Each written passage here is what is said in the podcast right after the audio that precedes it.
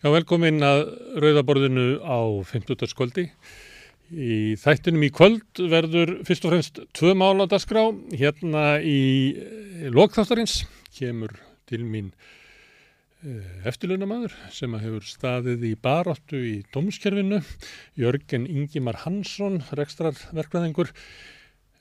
Hann lendi svona málaferli og ræk þurfti síðan að berjast í dómskerfinu lengi og uh, reynslu sína hefur hann fært á letur í bók þar sem hann gaggrínir mjög harðlega réttarkerfið og sérstaklega það að það sé erfitt fyrir megin þóra almennings uh, að fá réttlæti þar í gegn að réttarkerfið sé smíðað að þörfum hinna ríku og valdameklu. Heyrum í yngimar hér á eftir. En eftir örstuðta kynningu hjá mér að þá kemur hinga Þórildur Sunna Ævastóttir, eh, þingkona Pírata. Við ætlum að vera með svona fram að þingi viðtöl við stjórnmálafólk, eh, fórustu fólk úr þingflokkum allavega stjórnarhanstöðunar og ræða um pólitíkina, kannski ekki pólitík dagsins, heldur frekar svona pólitíkina eða Já, það er svona breyðar í sín hvaða mál það eru sem að, að við ættum að vera að tala um og kannski að fá svona mat á stöðu flokkana sem að, að þetta fólk uh, starfar innan.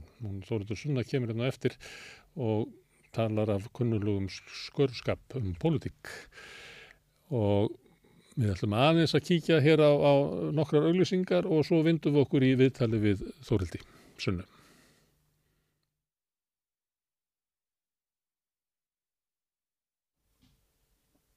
Já, herru, við ætlum að tala um pólitík hérna við samstöðun eins og við gerum oftar, en núna, núna eftir og svo einhverja næstu daga þá ætlum við að fá hinga að borðinu fórustu fólk úr stjórnaraðstöðinni, svona áður en að þingi byrjar og fá að tala við um pólitík, svona kannski aðeins til hlýðar við eril dagsins, hérna, fá að spella um, um pólitíki svona kannski ég veit ekki, það er alltaf svo asnægt þegar maður segir svona víðar og breyðar og allt það en við sjáum bara til hvaðan þetta verður. En svo sem rýður á vaðið er Þórildur Sunna Hefastóttir Pírati, velkomin. Takk. Herðu það er reyndar sko svolítið svona djúbstætt pólitísk mál sem er eiginlega helsta fréttamál þessa dagana sem tengist flottamannamálum Já, hún var hérna rétt. í gær hjá sóséliskum feministum hún, hún Drífa sem er núna er talskona stígamóta. Maður að tala um þessi mál.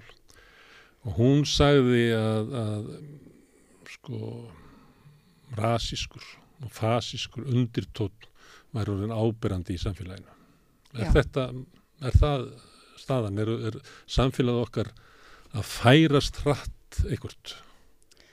Mér finnst það að vera að koma meira upp á yfirbarðið mm. uh, og mér finnst ríkistjórnin hafa gefið fólki leifi til þess að láta rásískar skoðanir sínar í ljós og það gerir það með þessum ógeðfeldu aðförum að þetta viðkvæmum hópum eins og þólundum mannsals og já, flóttamennum sem að hafa í engin önnur hús að leita mm. og um, við höfum séð það hvernig svona rásísk orðræða hefur farið stegvaksandi hjá sjálfstæðisfloknum sem að er held ég orðin fyrir eitthvað örvendinga fullur að ná til kjósenda mm.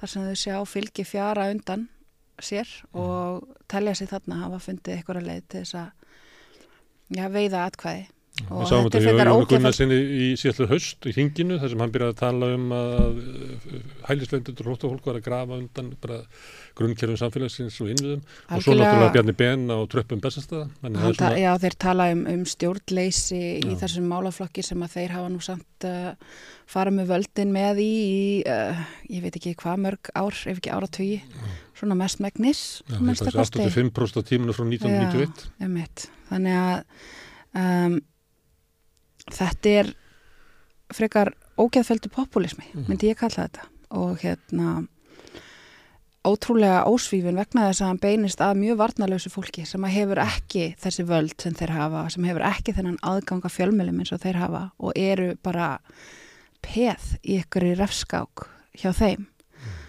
og um, ég hef tilverðar áhyggjur af þessari þróun heldur að sjálfstæðarflokkur sé að spila þetta svona í takt við það að við höfum séð kostningaúslit í Evrópu, ég finna við sáum kostningarnar í Ítalju, Finnlandi, Svíðjóð.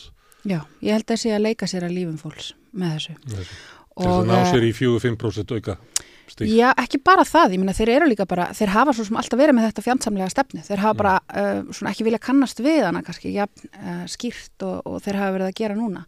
Útlendingarstefna sem að, þarf að segja flóttamannastefnan en líka útlendingarstefnan, það er svo kannski annar handlegur, en flóttamannastefnan sem að hefur verið rekin á Íslandi hefur alltaf verið mjög fjandsamleg flóttafólki, það hefur aldrei verið sérlega vingjallegt fólki á flótta sko. Og hérna það skýrist að því að hugmyndafræði sjálfstæðisflokksins er að við viljum ekki taka móti og mörgum flóttamönnum. Við viljum bara svona mjög eh, kassalaga dæmi, örfáa, helst eitthvað sem við veljum sjálf og jafnvel eitthvað sem að deila eh, svona kristnum og borgarlegum gildum með sjálfstæðisflokknum. En á sama tíma er, eru sko, innflytjum að fjölga hér.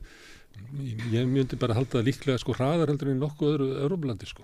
Það er bara, það er, sko þjóð eða landsmenn fjölgar ekki um 3,1-3,3% á ári neistar annarstar. Nei, nei, það er alveg skýrt að það er rosalega hérna, mikið af fólki sem er að flytja hinga til þess að taka þátt í atvinnulífinu hjá okkur, til þess að halda uh, þessum hagvexti sem allt snýst um hjá sálstæðisfloknum mm. uh, gangandi og uh, við höfum greiðlega mikla þörf fyrir vinnandi hendur ef við viljum halda þessari samfélagsgerð áfram. Þess vegna er þetta svo skrítin hugmyndafræði hjá sjálfstæðisflokknu vegna þess að það vandar fólk til þess að vinna. Mm.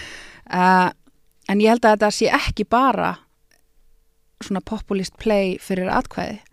Þetta er líka eins og ég sé þetta núna, mér fannst þetta byrtast svo skýrt eftir að þessu fólki er hend á götuna, út á kvöðogattin. Þetta er svo sem ekki fyrsta skipti sem það hefur gerst, svo við rauðum það nú upp, að mm. þá reynduðu þetta 2021 og hendu 20 og eitthvað flótamönnum á göduna fyrir að neyta gangast undir COVID-próf, neyta hjálpa til við að láta flytja sjálf og sig úr landi og í mm. aðstæðar sem að fólk taldi uh, hættulegt. Það var ekki samvinnu fúst við að láta flytja úr landi. Já, það hjálpaði ekki við sinna einu brottvísun. Og þá var þeim hend út af göduna og þá kemst úrskurarnemnd, kæranemnd uh, útlýtingumála að því að, að þetta hefði verið ólögmætt framkvæmt, það hefði ekki mátt henda þeim á göduna. Í öðrum hvað ég maður segja, siðmyndari ríkjum þá hefði þetta orðið tölver starra mál heldur en það var að, að ráð þeirra hafi vita og tekið þátt í raunin þessari aðgerð. Um, þannig að þetta er eitthvað sem þau hafa reynd áður og þau svo lögfestu og við bendum á að þetta er nákvæmlega það sem myndi gerast fólk myndi enda á kvötunni og ætti sér enga, geti sér enga bjargi veitt sko og hérna ég held að þetta hafi verið uh, að hluta til líka til þess að búa til þær aðstæður sem geta undibúið í jarðveg sem að uh, gerir flótamannabúðir eða fangelsi fyrir flótamenn að einhverjum áleitlegum kosti allt í einu.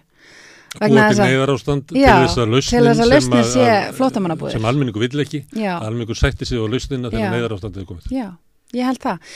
Og, og þetta byrtist mér svo skýrt út af, því, uh, út af því að þarna gerist þetta, fólk er sett á götuna og bara daginn eftir mætir dómsmálar á þeirra og fyrir að tala fyrir flótamannabúðum. Kallar það að loka búsetúraði eða hvað sáðan? búsettu úræði með takmörkunum sem eru þetta svona núspík sko. Ég held að það hefur verið hann Guðmundur félagsmálan að vera En hún sagði þetta líka, Guðrún Hafstein. sem kom með spröytluðustu það heitir eitthvað skjól, skjólgarðar. Já, já, já, einmitt með vörðum og já.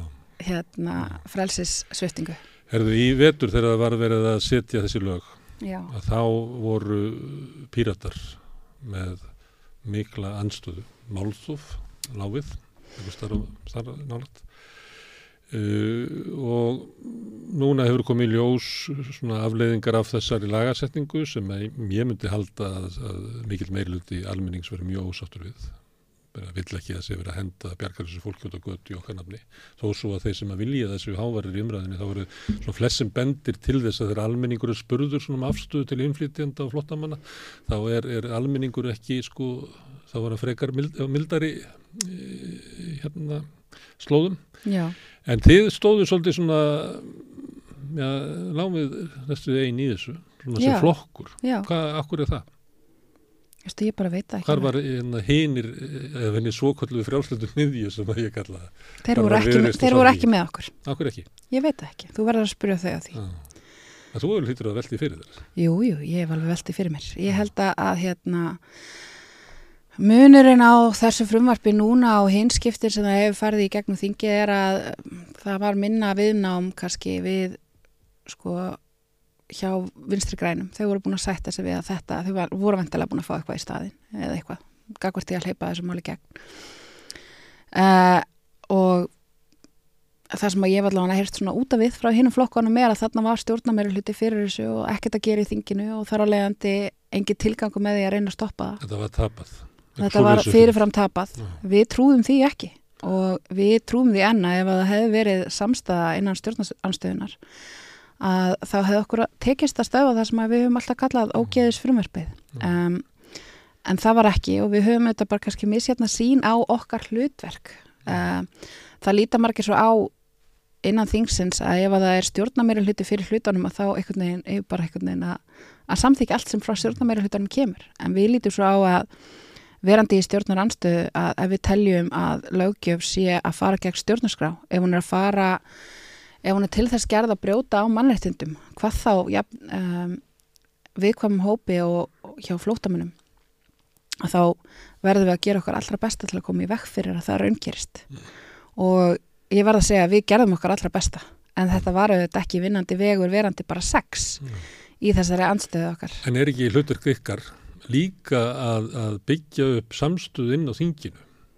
Jú, ég er ekki að skamma ykkur fyrir Jú, að það ekki verið. Algjörlega. En það er hlutverk þeirra sem að vilja ná fram einhverju breytingum er að búa til samstuð til þess að ná breytingum í gegn. sko. Það er ekki alltaf að standa einu og segja ég hafði rétt fyrir mér en það er því að þú vinnur svo við það að búa til samstuðin og þinginu til þess að og við reynum það nú oftast nær. Það, það dæmis, það gekk ekki þannig því miður, ég hefði viljað að það væri þannig og við reyndum, en það bara gekk ekki.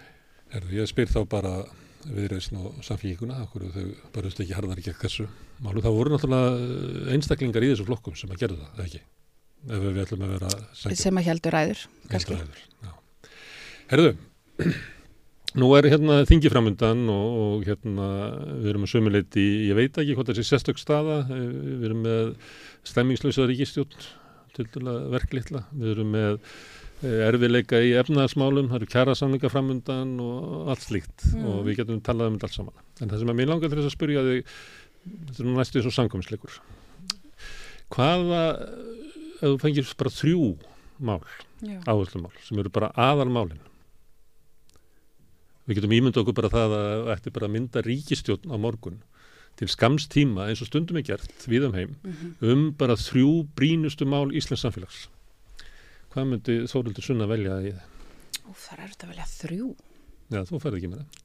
Þetta er samkvæmisleikur. Já, já, ok Ok, byrjum beinu. uh, Ég myndi setja fót fyrningarlegið í sjávarútuskerfinu þannig að kvótin verði ekki lengur einn uh, stórútgerðarinnar Af hverju það? Er það að Ég held þetta að sé það sé bara eitur áhrif stórútgerðunar í Íslands samfélags í óþólandi? Það er líka bara það mikil samþjöppun uh, og Mm. þetta er uh, það óaðgengilegt fyrir annað fólk og þetta er ekki réttlátt eins og þetta er uh, og við erum ekki að fá nú sangarnar arð af þessum við erum ekki að fá- nú sangarnar rentu af þessum öðlundum okkar og þetta kerfi er þannig að flesti landsmenn upplifa það sem mjög óréttlátt það er alveg skýrt af allir skoðanakönnur sem við höfum séð og það er vegna þess að það er óréttlátt Mm. Uh, og það er líka verið að fara á svig við það reglur sem að eiga að gilda um hámasafla hlutdeild og það er svo margt í kringum þetta kerfi sem að e, í raun skekkir allt á Íslandi og um, einmitt, þú kallaði þetta eitrunar áhrif, ég get alveg tekið undir það. Mm. eitrar út frá sér. Býr til svona ákveðið eh, misrétti og valda ójafvægi sem að hérna, ég held að sem mjög, mjög mikilvægt að taka á.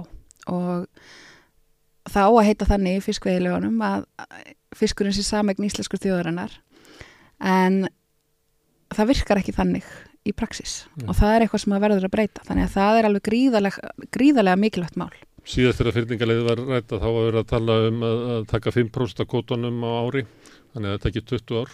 Er þetta að tala um eitthvað slíkt?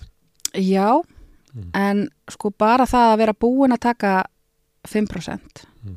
það þýðir að það er miklu auðveldara að meta líka verðmæti eignana hjá fólki og verðmæti aflans, uh, verðmæti kvótans minna ég, Mm. vegna þess að þá sjáum við hvert markasvirði er Þú minnur að þá er þið 5% tekinn Já, ef við bjóðum það það og bóðin upp. Já, og þá segjum við hvað er fólk tilbúið að greiða fyrir þetta Mm. og þá er miklu auðveldar að kortleggja sko, hvernig við eigum að skatleggja þetta heldur en það er nú Mm. mm. um þessar myndir Það er náttúrulega stór hluti að kóta, ekki, ekki stæðstilutin, er gengur kaupum og sölum og leigu.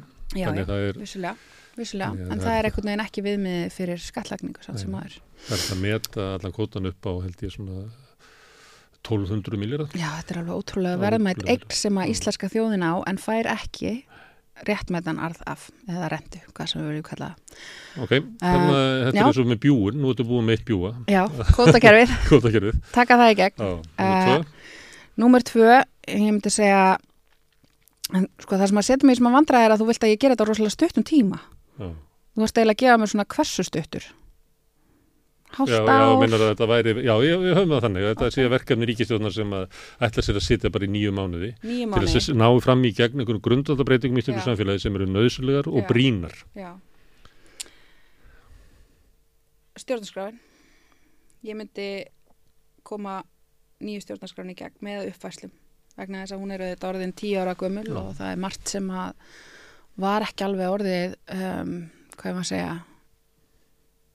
samþygt þá sem að núna til dæmis er bara viðkjönd sannindi af mörgum að minnstakosti Mm. ég má segja til dæmis réttindi trans fólks. Um, ég held að það sé alveg gríðarlega mikilvægt líka vegna þess að það erðu þá langvarandi breytingar og það myndu hafa í förmessu svo margt gott fyrir Íslands samfélag.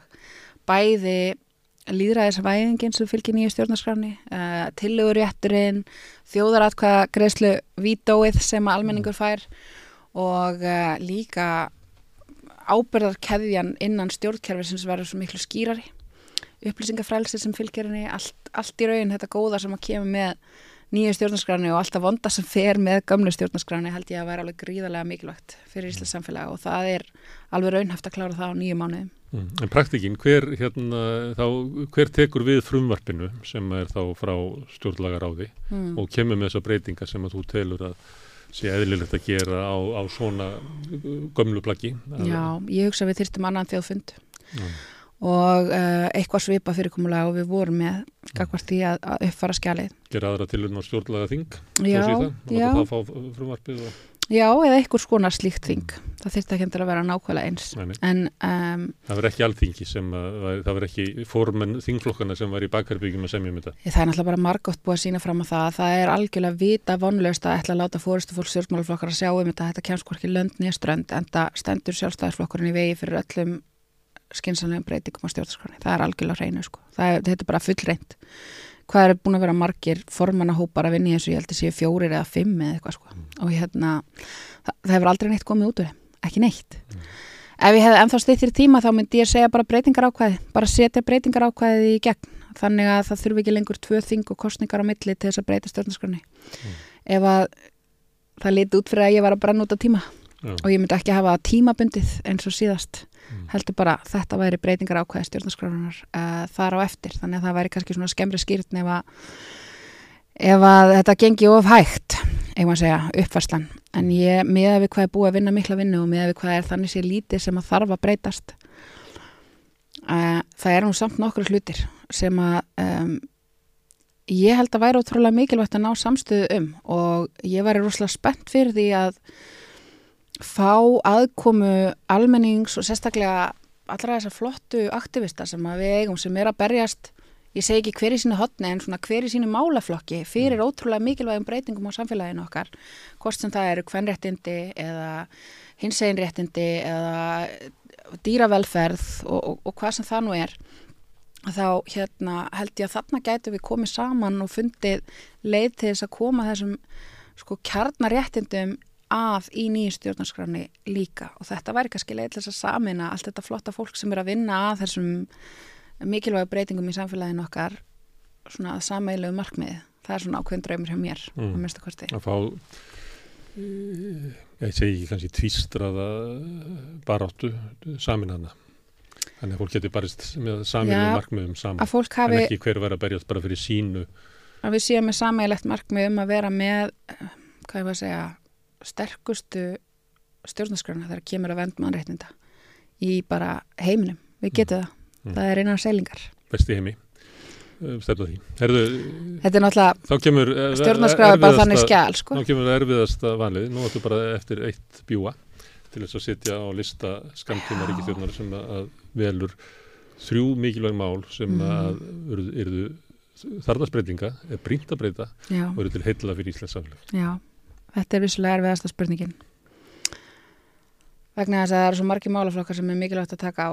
Já, en við vitum að hlustundur okkar vita alveg að þetta er svona leikur, þannig Já. að það mun engin skammaði fyrir að hafa ekki nefnt eitthvað annað ég er alltaf skammuð fyrir að nefna ekki já, Já. en hérna, það er allt í læg ég skil það ákveðlega sko, ég held að heilbyrðiskerfi sé kannski svona brínasta úrlesnarefni þótt að auðvitað sé verðbólgan, húsnæðismarkaðurinn allt þetta líka, það Mm. bara þarf svo margar mismunandi lausnir til þess að takast á við það það er bara komið að út í- breaking point Já. eða að algjörum þjálfmörkum það verður að fara að gera eitthvað til þess að fólk geti stólað á heilbreyðiskerfið og, og fara að treysta því aftur og líka til þess að heilbreyðis starfsfólk fái í þann stuðning og, og, og í þau laun sem að þau eiga skili fyrir þessa mikilvægi vinnu sem þau eru að vinna vegna þess að við erum komin á þann stað að fólk getur ekki treyst á heilbreyðiskerfið og heilsan er þetta bara forsendar fyrir því að við getum nýtt okkur öll okkar önnur réttindi og bara lifa okkar daglega lífi og það er rosalega það gefur okkur mjög mikið óryggi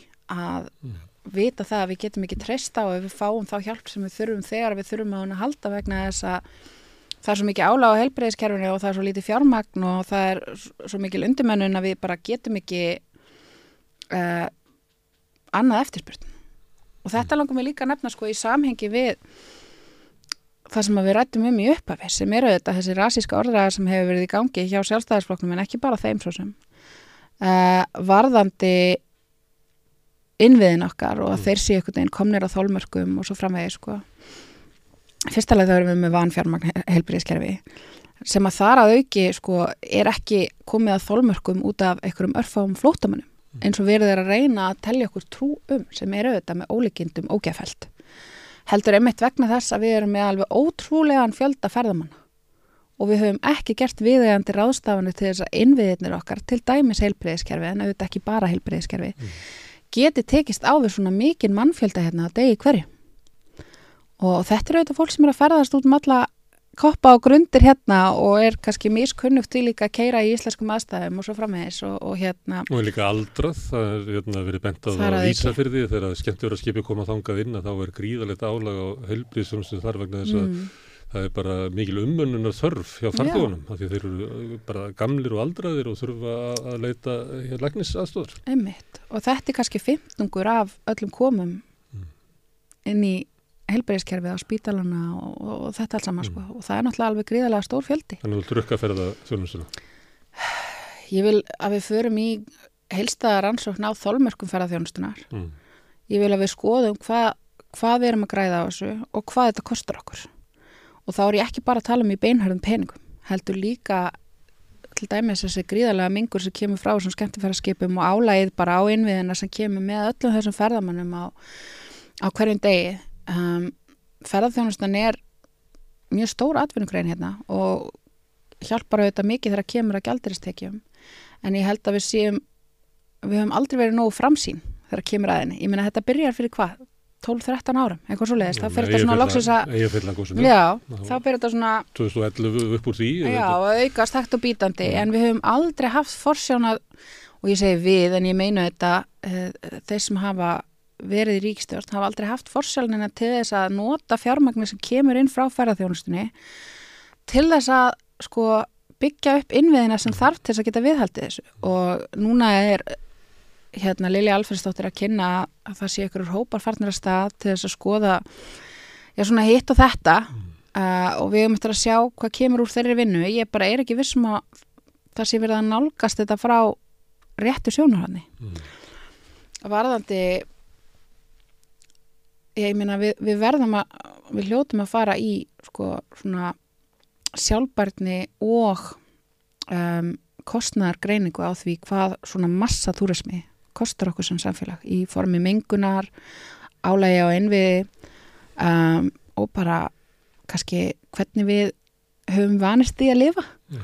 og búa hérna Hagfræðingar hafa bent á hvort sé æskili svona eh, samfélagslegu uppbygging þar sem að ferðarþjónastunni fylgir sko mikið af lálaunastörfum og hvort að það sé endilega það samfélag sem við viljum stefna á að hafa hér mikinn fjölda af, af eh, lálauna fólki sem er af erlendum uppruna, talar lítið tungumálið og er eiginlega svona jæðri samfélags og kerfi, allra kerfa. Já, þetta, ein...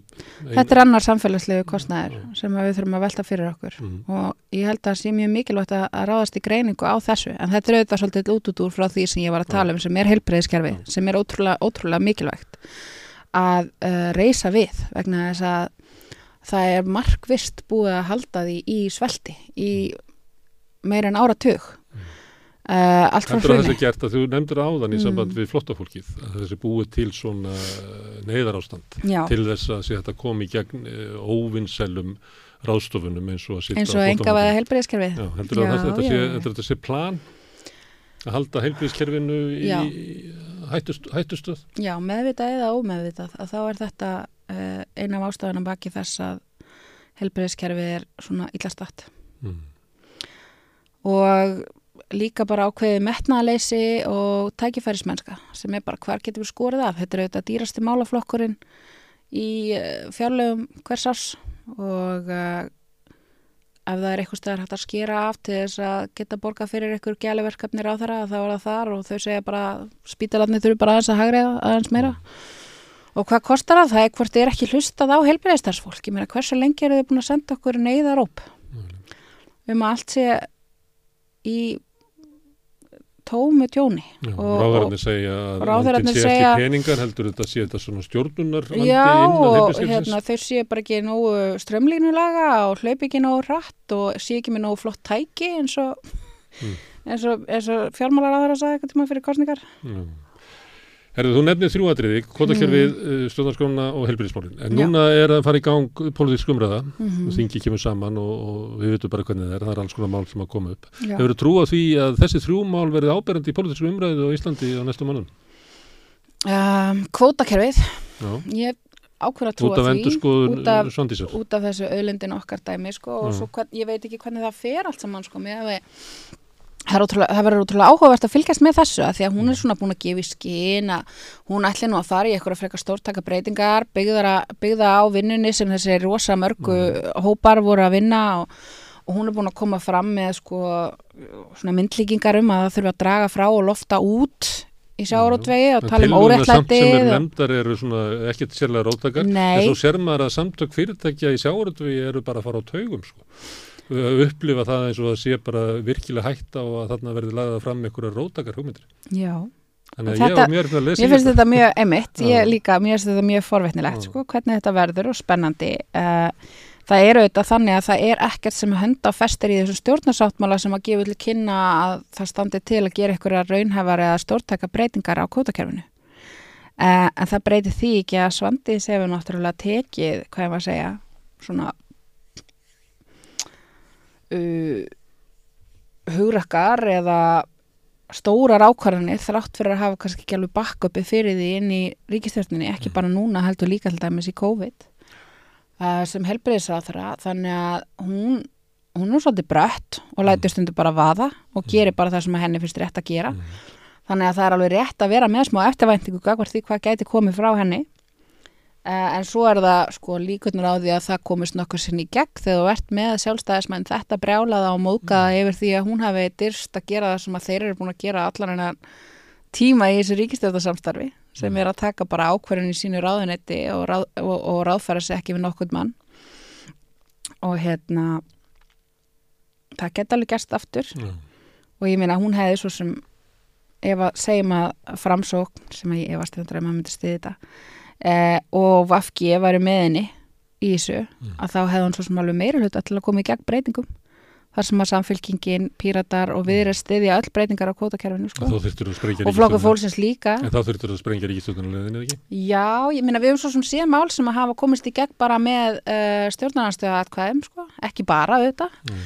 uh, eins og til dæmis þungunarósfrumarpiðina Svandisa þegar hún var það þarna ástu með næstu alla kallana í sjálfstæðarflokknum á móti, sko. Já, já ja, stóra hlutaði, og eiginlega bara Ben, já, og fleiri. Bjarni Ben, uh, Jón Gunnarsson Já, þannig að fúlukallandir, Já, já. en það voru Bjarni Ben og fleiri sem að Já, tóku fleiri. afstöð með þeim og Já. svo voru kannski Þórtís Kolbrún og, og hérna Áslögu Arna hinum einn. já, Guðlaugur Þór kaus með þessu líka Já, uh, greiti atkvæði með Já, sko. maður sá svona ákveðna línur í, Já. í, í sjálfstæðarflokknum og hvar Bjarni kýsa standa að því leiti. alltaf með ólíkjöndum að flokku sem kennir sér við frelsi uh, hafi formann sem ber jafnleitla virðingu fyrir hvern frelsi og raun ber vitni sko. Mm. en ok þannig að þetta er svo sem ekki ómögulegt og það var það ekki til stjórnarslita en ég hugsa reyndar að sjávarútuskerfi sé svona starra hérna Ég að svona sársöka mörk fyrir, fyrir sjálfstæðarflokkin og ég held að það verður líka spennandi að segja það verður kannski svona merki um það sem koma skali í þessum málaflokki, hvað gerist núna 1. september í kvalveiðimálinu þegar að kvalur stefnir á að hefja veiðara og við, hún er ekki ennþá búin að gefa alltaf kynna hún svandís hvað hún gerir sko, hvort hún heldur þessu renn, ákvörðan hennar rennur út fyrsta september. Já. Hún þarf að taka nýja veit það, já, og það verður áhugavert að sjá hvað hún gerir nákvæmlega þá sko Og ef maður er að ráða í það eins og við vorum að reyna í sambandi við sjálfrútin, mm. þá maður, getur maður ráðið í það að sé eiginlega samkomlega innan ríkistjóðnarinnar að það verði ekki framleitt. Það eru svona margir sem veði á það Já. uh, en það verður ákveðin svona álitsnekki fyrir svandísi að þurfa svo að leifa þetta Já.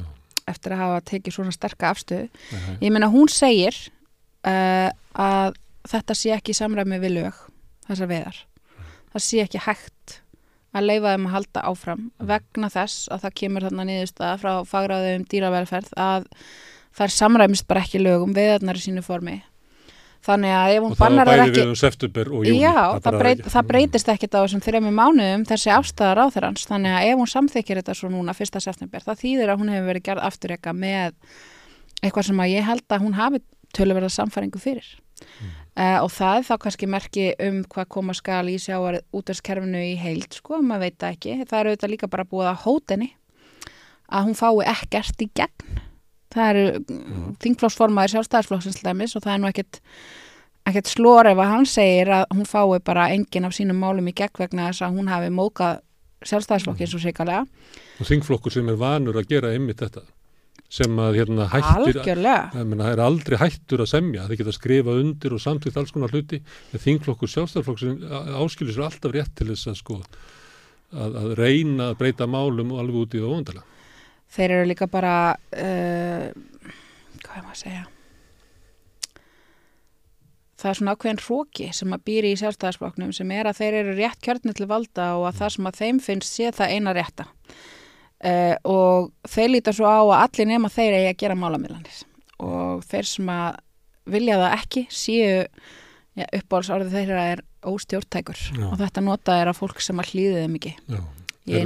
Þú nefnir það að þetta var náttúrulega sagt um marga flokka og áður en Mm. píratar eru til held ég, ég held að þessi hugtek sem að, að Davíð Oddsson festi í sessi og það snýst, snýst, snýst er eiginlega uh, skil, skilgreiningin á því er eiginlega flokkar sem að sjálfstæðarflokkur tristi sér til þess að hafa ríkistjórn og beigja undir sig vilja vilja.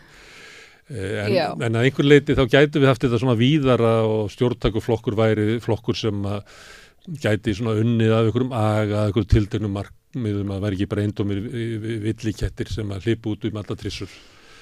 E, Sumuleiti finnst mann eins og að sko píratinni séu að þroska svolítið að þessu leiti, að þeir séu að verða svona, eða vilji verða svona flokkur sem að getur tekið þátt í ríkistjórn, ekki, sé ekki bara komin hann á þing til þess að vera á móti eða veita öðrum aðhald, heldur vilji taka þátt í ríkistjórn.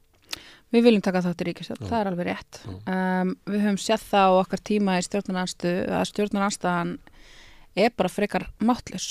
Það er ákveðin galli á okkar stjórnkerfi líka. Hversu máttlis stjórnarnanstaðan er í raun og veru, uh, hversu lítið hún getur gert í raun til þess að beita sér og hversu lítil áhrif hún fær að hafa inn á þingi vegna þess að það þarf ekki að vera svona.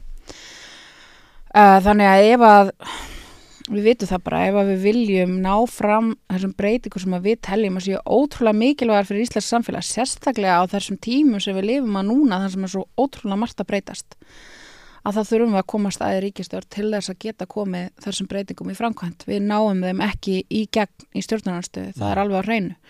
Uh, við höfum þetta náða ákveðnum árangri samt sem áður í að breyta viðhorfi fólks til ímis álitamála í samfélaginu, tölum um skadamingun eða um gagsæi sem að var eiginlega ekki eitthvað sem var samþygt fyrir en að, píratar fóru að tala mikið fyrir því inn á þingi. Og núna er svo sem orðið að bara eitthvað svona punt orði hjá mörgum, það er ekki mikið á bakveða en það er allavega þannig að fólk telur sér þurfa að setja það inn í lagateksta og fleira sko, að það eigi að vera gagsæi En þá getur þið bara hægt ef að aðri flokkar eru komnir með ykkar mál. það er bara, gera, þeir gera það ekki rétt uh, og það er ekki alveg gagsæði til dæmis í stjórnsýslinni í dag alls ekki, við sjáum það til dæmis á þessu lindakvölsmáli uh, og Íslandsbankasáttinni ég, fæ, ég bara það er, ég skil ekki hvernig þeir komast á þeirri niðurstöðu. Að það komi almenningi ekki við hverjir fengi að kaupa í þessu útbóði sem að uppfylta ekki skilirinn til þess að kaupa í útbóðinu ég bara skil ekki hvernig eftirlits aðeila og vegum almennings lítur svo á að almenningur eigi ekki rétt á að vita þetta þannig að það vantar ákveðna gagsæði sín inn í stjórnkerfi og það er sama til dæmis hjá ríkisendurskóðanda sem að telur sig ekki þurfa að upplýsa hvað hann er að senda uh, á fjármálar á þeirra varðandi skoðun á Íslandsbankamálinu og svo framvegis og svo framvegis sko. þannig að það, er, það vantar ennþá töluverða virðingu fyrir upplýsingar rétti almennings og það er til dæmis eitthvað sem við þurfum auðvitað líka að setja inn í stjórnarskrana þess vegna er nýja stjórnarskrana svo mikilvæga því að hún tryggir hennan upplýsingar rétti almennings Mm. En ef þið viljið vera í stjórn, Já, þá verður það að vera með einhverjum í stjórn já. og þá er bara hlítið að spyrja sko, hverju getur það verið? Svona, Það er einu sem við höfum útilokað og við erum náttúrulega einn af þessum, þessum óþekku flokkur sem að útiloka aðra flokka sko. Mm. og einu flokkarnir sem við höfum útilokað að vera í stjórn með er sjálfstæðarsflokkurinn og miðflokkurinn. Og það er vegna þess að við erum í fyrsta lagi bara í grundvallar atriðum ósamala þessum flokkum um nokkurn veginn allt. Þótt að við getum alveg verið sammála á stundum um einhver afmörku mál og unnið á þeim grundvalli með þeim að þá eh, sjáum við ekki fyrir okkur að geta verið í svona valda samstarfi með þeim. Eh, út sjálfstæðisflokkum af alveg því að þeirra sérstaklega. völd snúast um hvað? Þau beita völdu sínum með þeim hætti sem þið settu ykkur ekki við og fyrir hverja eru þeirra að beita völdum sínum? Já, ég meina- í hvers þáu? í fyrsta lagi þá vinnur sjálfstæðisflokkurinn alltaf eins og hann sé rétt kjörinn til valda og hann er búin að vera það lengi við völd að hann er hættur að koma fram við völdin sem hann fær í hendur af virðingu og lítur svo á að þau séu til þess að nota í þeirra eigin tilgangi fyrir þeirra eigin markmið uh, við þurfum auðvitað ekki að horfa lengra heldur en það að Bjarni Benediktsson sér ekkert aðtugavert við það að hann var að selja hluti í Íslandsbanka og pappan skipti af honum hlut. Uh, þetta er svo brenglað að geta haldið því fram að þetta sé bara allt í lagi og sko slengja því fram hann í fólk bara býtu hvað, mátt hann ekki kaupa? Þegar þú ert komin á þannig stað að bera þetta litla virðingu fyrir því embætti sem að þú fer með að það átt ekki að fara með völd lengur það er bara ekki fyrir þig holdt lengur. Og já, ég held að þau hefur mist sínar á til hvers völdin eru. Þau eru til þess að framkvæma það sem að alþingi ákveður og alþingi er kjörið fyrir hönd almennings til þess að gera samfélagi betra fyrir almenning. Og þessi keðja hún rofnaði eitthvað staðar hjá sjálfstæðisflokknum. Hún er ekki lengur til staðar. Og það sem að sjálfstæðisflokkurinn er að gera er að já, er að stjórna krafti hagsmuna ríkasta hópsins á Íslandi og það er auðvitað þeirra kjósundur líka en þetta er ekki lengur eitthvað breyðfylking eins og þeir voru kannski eitthvað tíman Mm. Það voru, voru stjórnmála, voru með stæðstu landsfundin eða þú, þeir stærðis að því. Já, Já. en þetta er eitthvað önnur samkoma núna heldur en nú var held ég Mm. Þannig að það eru allir flokkar í bóði nema þessi tveir Já, fyrir ykkur. já, nú hefur hérna samfélkingin hefur bætt mjög fylgið sitt í könnunum já. eftir langa eðumerkugöngu mhm. og eru kannski ekki komnir í sömu stöðu og þið voru hérna árið góða Nei, ekki alveg, með- með 35% ekki alveg Við vorum með 45 á tímabili, sko, það var og voru svakalegt við með því heilt ár Já. það ættir að koma í ljós hversu lengi samfélgíkin heldur þessu Mm. hefur verið að sigla upp virðist verið að komi svona eh, að toppa sig eitthvað starf í kringum 27-28% en á sama tíma þá hérna, tekur hún svolítið af ykkur vakstamöguleikana mm. Mm. viðreist og píratar eru ekki að vaksa á sama tíma Mhm. Hvernig hérna, getur þið beitt ykkur undir svona að, að, að einhverja svona fórustu samfélkingarinnar í mótun einhverjar eh, ríkistjórnar í aðdraganda kostningar sem að væri valkostur við þá sem að nú er? Meinar að fara í svona eitthvað svona kostningabandala með þeim? Já, uh, hérna, eins og var hugmynd meðal pírata hér á... Já, við höfum alltaf talað fyrir þessu. Þannig að hérna, ef að þau myndu taka frumkvæðaði þá myndu við bara taka því fagnandi. Já. Vegna þess að okkur fyrir... eins og gett í því í Danmörku og, Já, og þetta er bara mjög algengt annar staðar. Það væri Kristrún Frostadóttir væri fórsættisráðar efni pírata. Já, en ég var að segja að, sko, mér finnst það mjög ólíklegt með hvernig Kristrún talar, Já. að þau taki slíka fórustu. Já vegna þess að hún hefur ekki verið tilbúin að útloka neitt flokk og ég sé ekki fyrir mér að hún sé tilbúin að kenna sig við eitthvað flokka farandin í kostningar. Mér finnst það bara mjög ólíklegt play hjá henni miða við hvernig hún hefur talað. Að því sögðu ef að hún myndi uh, leggja upp með þetta, við getum alveg fælt okkur við það. Það er ekki sérstakt, uh, það er ekki sérstakt markmið hjá okkur að fá fórsetisraðrastólinn. En okkur finnst mjög mikilvægt að komast að sérstaklega uh, dómsmálunum svo við tökum nú eitt dæmi Já. Og að kjósutur hafi eitthvað skýran valkost í kjörkljónum að það get ekki kosið eins og þessi að fara að kjósa ykkur nýja ríkistjón eins og gerist hér eiginlega oftar en ekki. 2007 samfélgiki fer með sjálfstæðarflókun 2017 Vafki fer með sjálfstæðarflókun og ég held að okkar stærstu mistök í síðustu kostningum hafi verið að gera það að það hafi ekki náð samstæðum að gera þetta. Mm. Uh, vegna þess að fólk sá engar skýran valkost við ríkistjórnina uh, og það er náttúrulega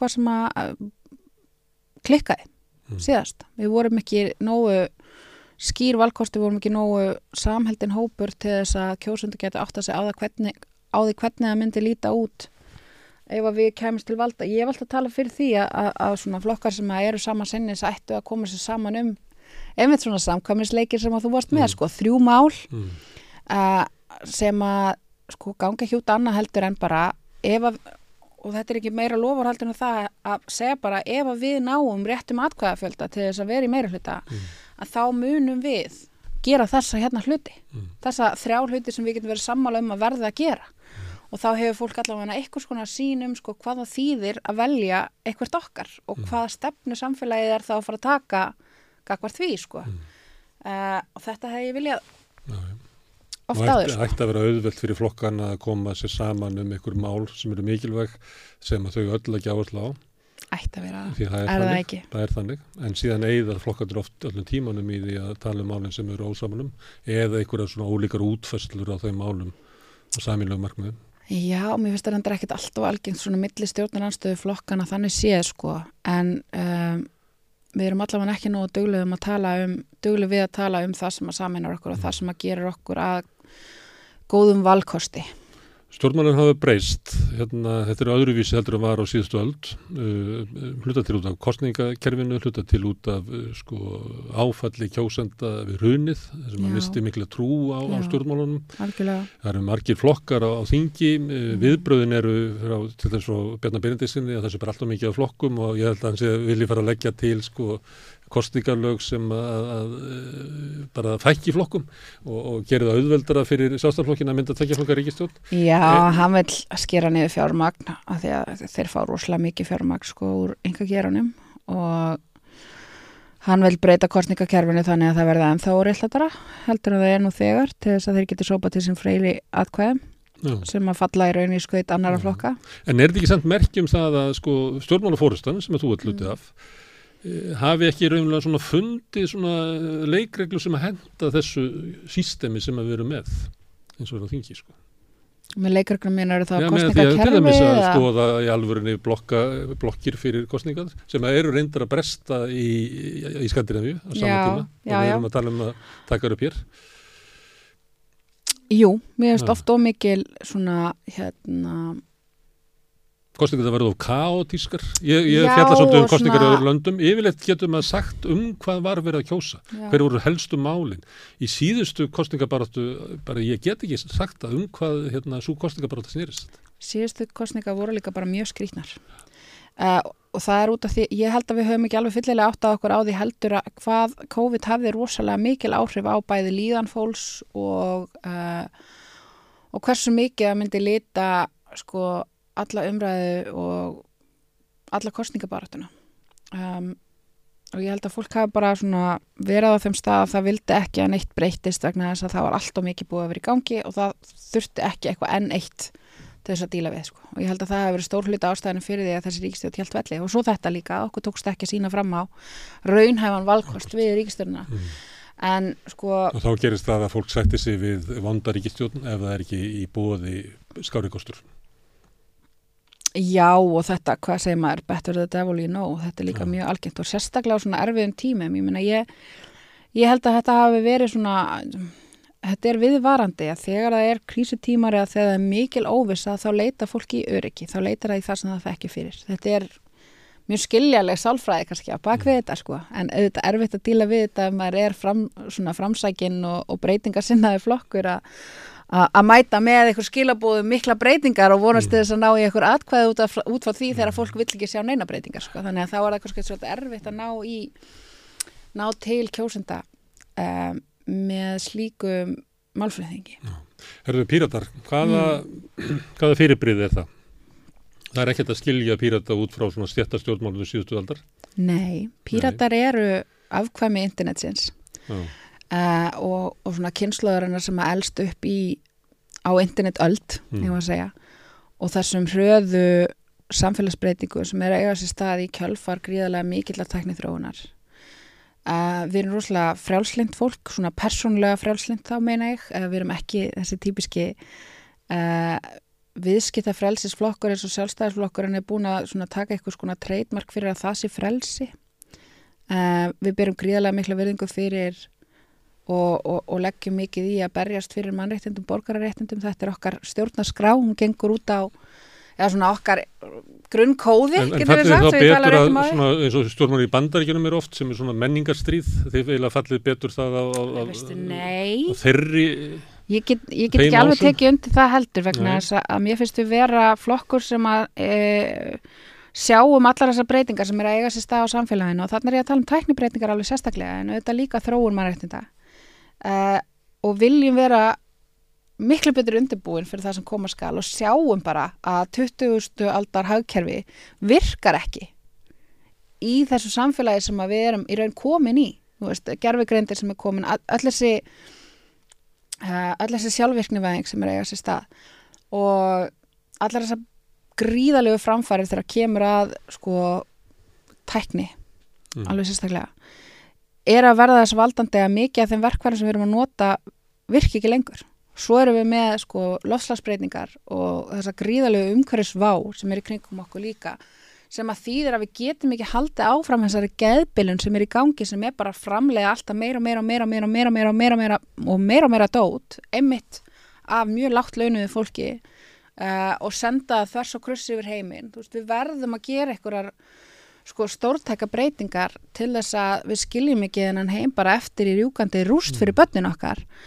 En hvernig Og- gerum við breytingar ef að sko völdin, eh, til dæmis í tækni eh, internetið, en nú svona Já. dæmi um það að internetið er springur út á, á nýfljósku tímanum og þá verða til bara ógnar stór einoguna fyrirtæki Já, sem að kannski hefðu bara ekki orðið til ef þetta hefði gerst sko 1960 þá hefðu bara stjórnmálun ekki sætt sér við þetta. Já. að það var einhver, einhver, einhver Musk kall og einhver Söllenberger kall og, sem að bara stjórnuðu öllu.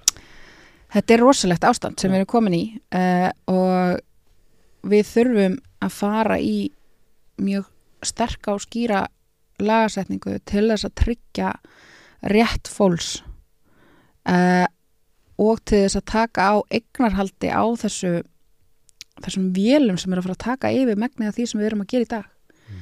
Og ef við ætlum að leifa ykkur ofur stjætt auðmann að eiga öll þessi tæki og það Sem þarf ekki lengur já, og það þarf ekki lengur uh, í raun vinnuafl fyrir megnið af þeim verkum sem verið er að vinna í dag að þá erum við að horfa fram á eitthvað nýtt súperform af misskiptingu sem að við höfum ekki upplifað áður og það er eitthvað sem að verður að bregðast við. Uh, og sömulegis eins og með gerfigreindina og tökum sem dæmi bara sjálfkerrandi bíla eða eitthvað slíkt ef að við setjum ekki skýrar og sterkar reglur utan um hvernig svona tæki mega haga sér að þá sjá tæknir um það fyrir okkur sko. En þannig er stjættabartan komin, sko, segi ég sem sósalisti, að hún Já, en ég sko. ok, Að væntingarnar segjum um svo að það sé engin þörf á þessu vinnuafli lengur. Hvað er stjættabarta? Það er einmitt okkar tækin? Já, Hver- á- tæki hver á tækin? hefur kúið í stéttabaróttu þegar það geta ekki farið í verkvall? Það er, Hvað segir fyrir ekki? hvaða tæki, eh, spurningi þín er, hvaða tæki hefur sko Já, verkalýður? það er það sem ég meina, sko. Við höfum ekki lengur tæki að fara, eða ég segi við, ég get ekki farið í verkvall, en þ- þau tæki eru vinnuaflun ekki lengur aðgengileg vegna þess að það hefur nefnga þýðingu fyrir auðmennina sem eiga þessi auðafi. Og hvaða, völd, höfu- hvaða tæki hefur þá gegn hérna, hennu óheyrilegu valdi öðsins? Það er að við tökum völdin og setjum mörg. Það er það sem við verðum að gera. Mm. Og uh, við þurfum líka að frelsa internetið. Ég meina það er einmitt búið að, sko, uh, það sem er uh, mjög mikið að gerast núna og við höfum svo sem, að þegar þú spyrir hverjir eru píratar, þetta er auðvitað pínur flókin spurning, en ég meina píratar verða til út frá sko þörfina að breyta höfundarétti vegna þess að, höfundaréttur ger bara ekki ráð fyrir því, þú veist, að þú gefur út bók þá er hérna eintaka bókinni sem að uh, við viljum sem að þú ert að selja. Og ef þú stelur henni þá ert að stela fysisku eintaki af þessari bók. En núna á internetöldinni þá ert ekki lengur að stela fysisku eintaki, þú ert að fá afrit af ykkur og það, það þarf að breyta veist, það þarf að breyðast við því á okkur, viðæðandi hátt sem er ekki það sem stjórnvöld hafi verið að gera sem er bara, ég meina það var þannig og, og píratar nafni, það kemur út af því að að, að fólki sem voru á bak við Pirate Bay sem var svona daily síða með einmitt bíómyndir sem var verið að stela uh, það er fangelsað fyrir að hafa sett upp þetta daily system. Og þannig verður flokkurum pírata til sem tæki til að berjast gegn eða berjast fyrir breytingum og höfundarétti og berjast fyrir uh, engarétt, enga um, afsakið uh, fríðhelgi engalífsins á internetinu Mm. vegna þess að, að réttlæt, það sem átt að gera alltaf bregðast við allum sem þjófnaði á bíómyndum að afritun á bíómyndum var að njóstum alla til að komast að hverju var að stela bíómyndum á netinu Mm. uh, og þessi skakka sín það er líka kannski það sem við tölum fyrir sem er það að stjórnvöld eru alltof gráðug gagvart réttindum einstaklinga til þess að standa vörðum hagsmunni sérstaklega stórfyrirtækja Mm. og, og það var þannig í þessu máli að það átti einhvern veginn að gefa leifi til þess að njóstna um borgarana bara því að þeir getur mögulega verið að hlaða niður einhverjum bíómyndum á Pirate Bay og við sjáum þetta allstaðar og þetta er eitthvað sem að píratar uh, allstaðar þar sem við erum með fulltrúa sem er nú alveg á nokkur stöðum í heiminum erum að berjast gegn. Eins og til dæmis mál sem er núna verður vantalega uh, aftur tekið, gegn, tekið á dagskrá í haust sem við kallum chat control sem að kemur frá Europasambandinu sem er mjög skætt dæmi uh, og gengur út á að fylgjast með öllum samskiptum fólks á netinu af einhverjum algoritma sem að þarf samt alltaf aðkomu fólks, þetta hefur alveg komið fram til þess að uh, uppgöta barnaklám. Þá að greina skil, öll skilabúðin sem þú sendir á Messenger. Öll skilabúðin sem að amma mín eða eh, einhver annar sendir á, á, á Messenger uh, eru skoðuð. En þetta nær ekki yfir skilabúð sem eru dulkóðuð þannig að þetta hefur, enga, þetta hefur engin raunveruleg áhrif á þessa starfsemi vegna þess að allir sem eru raunverulegi glæbunar fara þá bara í að senda þetta sína milli með dulkóðum skilabúðum sem er mjög auðvelt að fá aðgang að. Þetta er algjörlega tilgangslega tækni sem er þá notið til þess að fylgjast með öllum samskiptum allra sem eru mitt ekki að reyna að fela eitthvað. Í hvað Eh, tilgangi? að koma í veg fyrir barnaklám Já, já, svo, en, en af hverju er verið að, að þetta er ekki raunverulega góð aðferð til þess að koma í veg fyrir barnaklámanu því að uh, það fólk á samskipti sína á milli með já, já. Af hverju eru stjórnvöld að gera þetta? Sko, ég held að sumt, ég, Erum við á leiðinni í í svona líkt því sem er talað um að Kína sé, þar sem að stjórnvöld eru reyna að halda kontról á, á já, ég, vo, ég vona að þetta sé bara þekkingaleysi á hvernig tækni Tækin eru virkar. búin til og tæki sem er verða til eru er oft satt í Mm.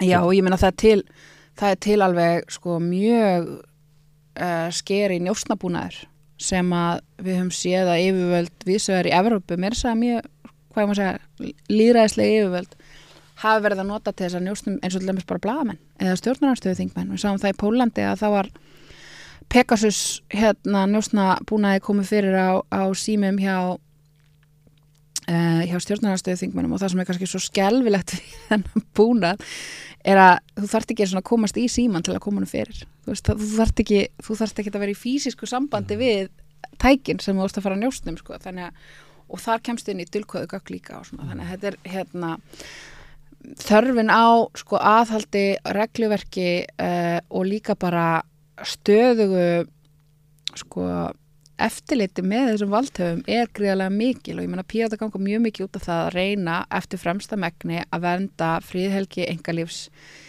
ekki bara borgarana heldur alveg sérstaklega þeirra sem eru stjórnarnarstöðu, sem eru bladamenn, sem eru aktivistar, sem eru svona, já, þetta eru svona þessi grunnborgararéttindi sem að við erum mjög hérna, Ég get ekki þau dæmi að því að hérna, sömurleitt er samstöðum byggð á, á sko, YouTube og, og Facebook og Facebook er okkur Mm. mm. sérstaklega er, erfið. Það var til dæmis að við vorum ekkert um að fjalla um, um hérna, mennina sem voru grunaður um, um að undirbúa hriðiverkinn í Íslandi og þá skrifa ég í svona, var að dreifa frétt hér af samstöðunni og segja, erum við komið með svona Proud Boys á Íslandi? Það þýtti það að sko dreifing okkar á samstöðunni á okkar efni mm, fór bara niður í kannski svona 5% af því sem hafi áður verið. mm, það var eitthvað maður eitthvað e, agnúast út í mig á Facebook um daginn sem var eitthvað að líka mér við eitthvað sko, þriðjar ekki Hitlers eitthvað svona og ég sagði hvað, þetta líka mér við Hitler þá fer ég í takmarkanir sko í langa Mhm. tíma, ég Já. má ekki og þetta, þetta já, á sér stað þú í nefnir annað mikilvægt dæmi og það er þessi Ég segi ekki að hérna, Íslands stjórnvöld, ég meðst Íslands stjórnvöld er að frekar að því að íta undir það að sko samskiptamiðlanir eigi að hafa eitthvað kont. Já, mér finnst núverandi stjórnvöld, uh, stjórnvöld vera alveg ó, með ótrúlega forræðishyggju sinni, sko. Alveg með ólíkindu hvað þið eru for... Ég meina eins og þú vorum að breyta lögum um stjórnmálaflokka, það átti... það verið að reyna að setja lög um, sko, að banna nafnlösan áróður Mm. fyrir, hérna, fyrir kostningar. Við sáum það náttúrulega þessar kostningar síður, kostningar 17 og kostningar uh, þetta, það sem að var alltaf ráðist á stærsta anstæðing sjálfstæðarsflokksins hverju sinni uh, það var verið að reyna að taka á því en það átt að taka á því sko með einmitt eitthvað svona hætti sem að við sáum alveg bara ótrúlega skýrt að ætti raun að vera bara til þess að- að eyða út kommentum á korfundakerfinu sem að voru skrifað inn að blösta bara einhverjum kúpum út í bæ þátt að banna fólki Mm. í raun að taka þátt í samfélagsumræðu nafnlaust.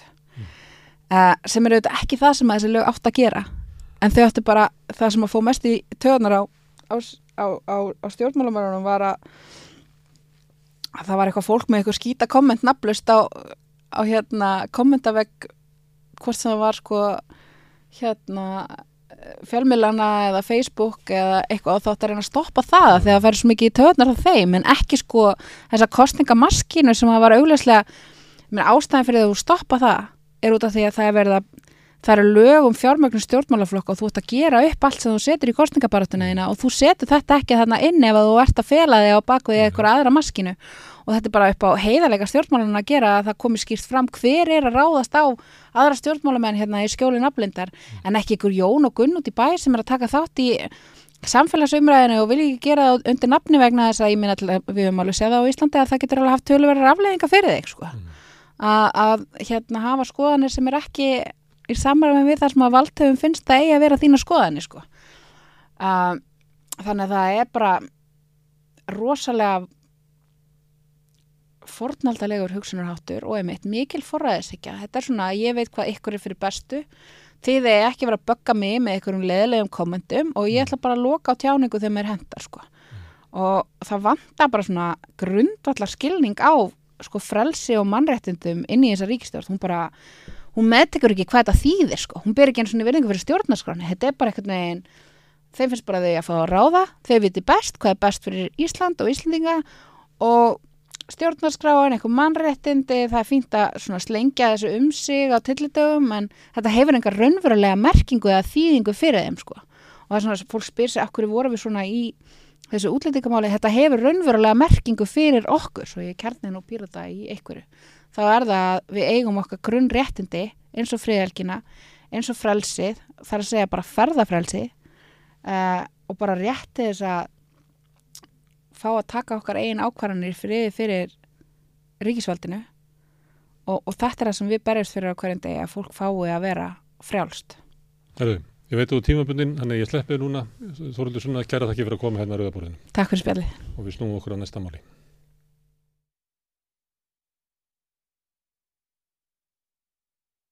Já, uh, hann Jörgen Ingemar Hansson sendi frá sér bók í vetur eiginlega, eða síðla vetrar, sem heitir Réttlæti hins sterka. Uh, það er ádila á dómskerfið og alþingi. Uh, Ingimar er ekki löglarðu maður, en hann hefur reynslu á dómskerfinu verðan þess að hann var dregin svolítið inn í það og, og, hann fekk kannski svona svolítið bitra reynslu af, af því. Og það sem er sérstaklega þess að bók er að, að hún er mjög hörð gaggrinni á, á, á dómskerfið, að það drægi taum hins sterka og almenningur, svona venjulegt fólk. Það er ekki víst að það sæki þanga réttlæti. Við hérna við rauðaborði við þekkjum alveg þessa gaggrinni að, að hérna hún hefur komið fram hérna hjá okkur við, við, við, við þetta borð sem hafa komið fram löglærði menn sem hafa sett fram þessa sömu gaggrinni og, og Ingimar gerir í sinni bók. En Ingimar er hinga komin, þetta velkomin. Takk fyrir. Hérna, þú gaggrinir dómskilfið á ymsamáta meðal annars að það sé bara einfallega of dýrt fyrir venjulegt fólk að sækja þanga réttlæti og dómskerfið er náttúrulega þannig fyrirbyrðið að þá að skaffa öllum, okkur öllum réttlæti, allir eiga að vera jafni fyrir lögum og ef að svo er ekki að þeir sem ekki hafa efni til þess að sækja þangað inn réttlæti fá það ekki, að það er náttúrulega mjög alvarlegt mál. Það lítur að vera það. Að vísu hafa þeir sem að eh, eru allra verst eftir í þjóðfélaginu, Já. þeir hafa möguleika á gjafsókn. Mm. En gjafsókn er bara að hluta greiðsla sko. Já. Það er bara greitt fyrir, fyrir hérna þá sem að uh, sko málflýtjendur eða málflýtjanda Mm. þess sem að fær gjafsóknina. Mm. Einstöku sinnum uh, er, er það fyrir uh, mats, matsmenn Já. Ég vísa Og- hérna í og gaggrinni já. manna Ragnar Aðalsteinsson hefur komið yngað og uh, komist að sömu niðurstóð þú já, og hann nefndi meðal annars gefsóknina að það veri allt og væri að það veri stórir hópar af fólki sem að þyrtu á, hvað við segja, þjónustu dómskerfisins að halda en hefði raunlega ekki efnaði það sem að samt er erfiðast við þetta Já, er að eh, lögin eru þannig að uh, það er svo auðvelt að, að þennja mál út. Og þá, þá bara, og, og einmitt fyrir þann sterka já, í málunum, fjárhagslega sterka Mm. að það er svo auðvelt fyrir hann að þennja málið út þannig að, að hinn eigi erfitt um vik Mm. og uh, þar eru svona uh, laga reglur mm. eins og hins svo kallaða forræðisregla mjög í fyrirrúmi forræðisreglan gengur út á það að málflytjandur í raun og veru ráði gangi málsins Mm. Dómarinn kemur þar eh, lítið nærri nema þegar eitthvað sérstakt bregður út af. Þannig að, og, og, og þetta þýðir raun og veru það, að sá aðili sem vill þennja það út, eða sá málflýtjandi sem vill þennja það út, þennja það út Mm. að hann ræður. Já. hann Innan mjög víðra marka. hann Já. gerir það stundum í þeim tilgangi að þreita hinn aðilan Já. eða að tæma sjóði hans Já, Já. bara beinlínis. Já. E, önnur lagaregla sem kemur þarna er e, málsraðareglan svo kallaða. Mm. Hún e, gengur náttúrulega út á það að máli að ganga eins rætt fyrir sig eins og mögulegt er en er engum notuð til þe þegar hérna hinn aðilinn þarf að afla sönnunagagna þá liggur svo mikið á. Þriðja lagareglan sem ég myndi draga inn í þetta er að e, aðili máls þarf ekkit frekar en að vill að er virðist í allavega mjög mörgum tilfellum ekki að leggja fram gögn eða, eða svara spurningum. Mm. Eh, Þetta hefur kannski einhver tíma verið gert fyrir hinn hin fjáraslega sterka Já. en þetta er misendismönnum uh, mikill hagur Getur útskýrt þetta þannig að, sá skilji sem ekki verið lendi í því? Hvað, í, hvað fælst í þessu? Já, við skulum segja að, að, að það sé eitthvað aðalatriði málsins sem að, að hinnaðilin vil uh, uh, fá fram að þá getur hinn bara svara með því að þeia og, uh, og hann krefur, krefur hinn aðilan um gögn og hinn bara neytar að leggja þau fram. Mm. Þetta er svo einfalt. Getur dómar ekki skipað við komandi að leggja fram gögnin? Ég, það er eitthvað um það í lögunum að hann geti, geti það en eh, allavega í mínu máli þá ekki, kom, kom það alls ekki til.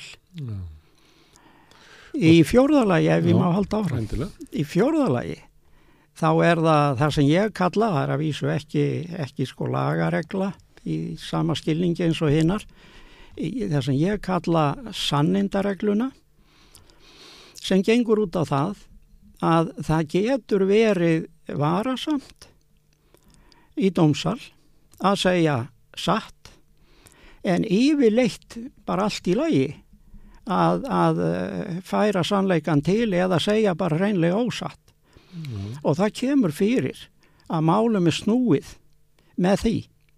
já. Getur við tekið svona dæmi þannig að við höfum öðru með skilja?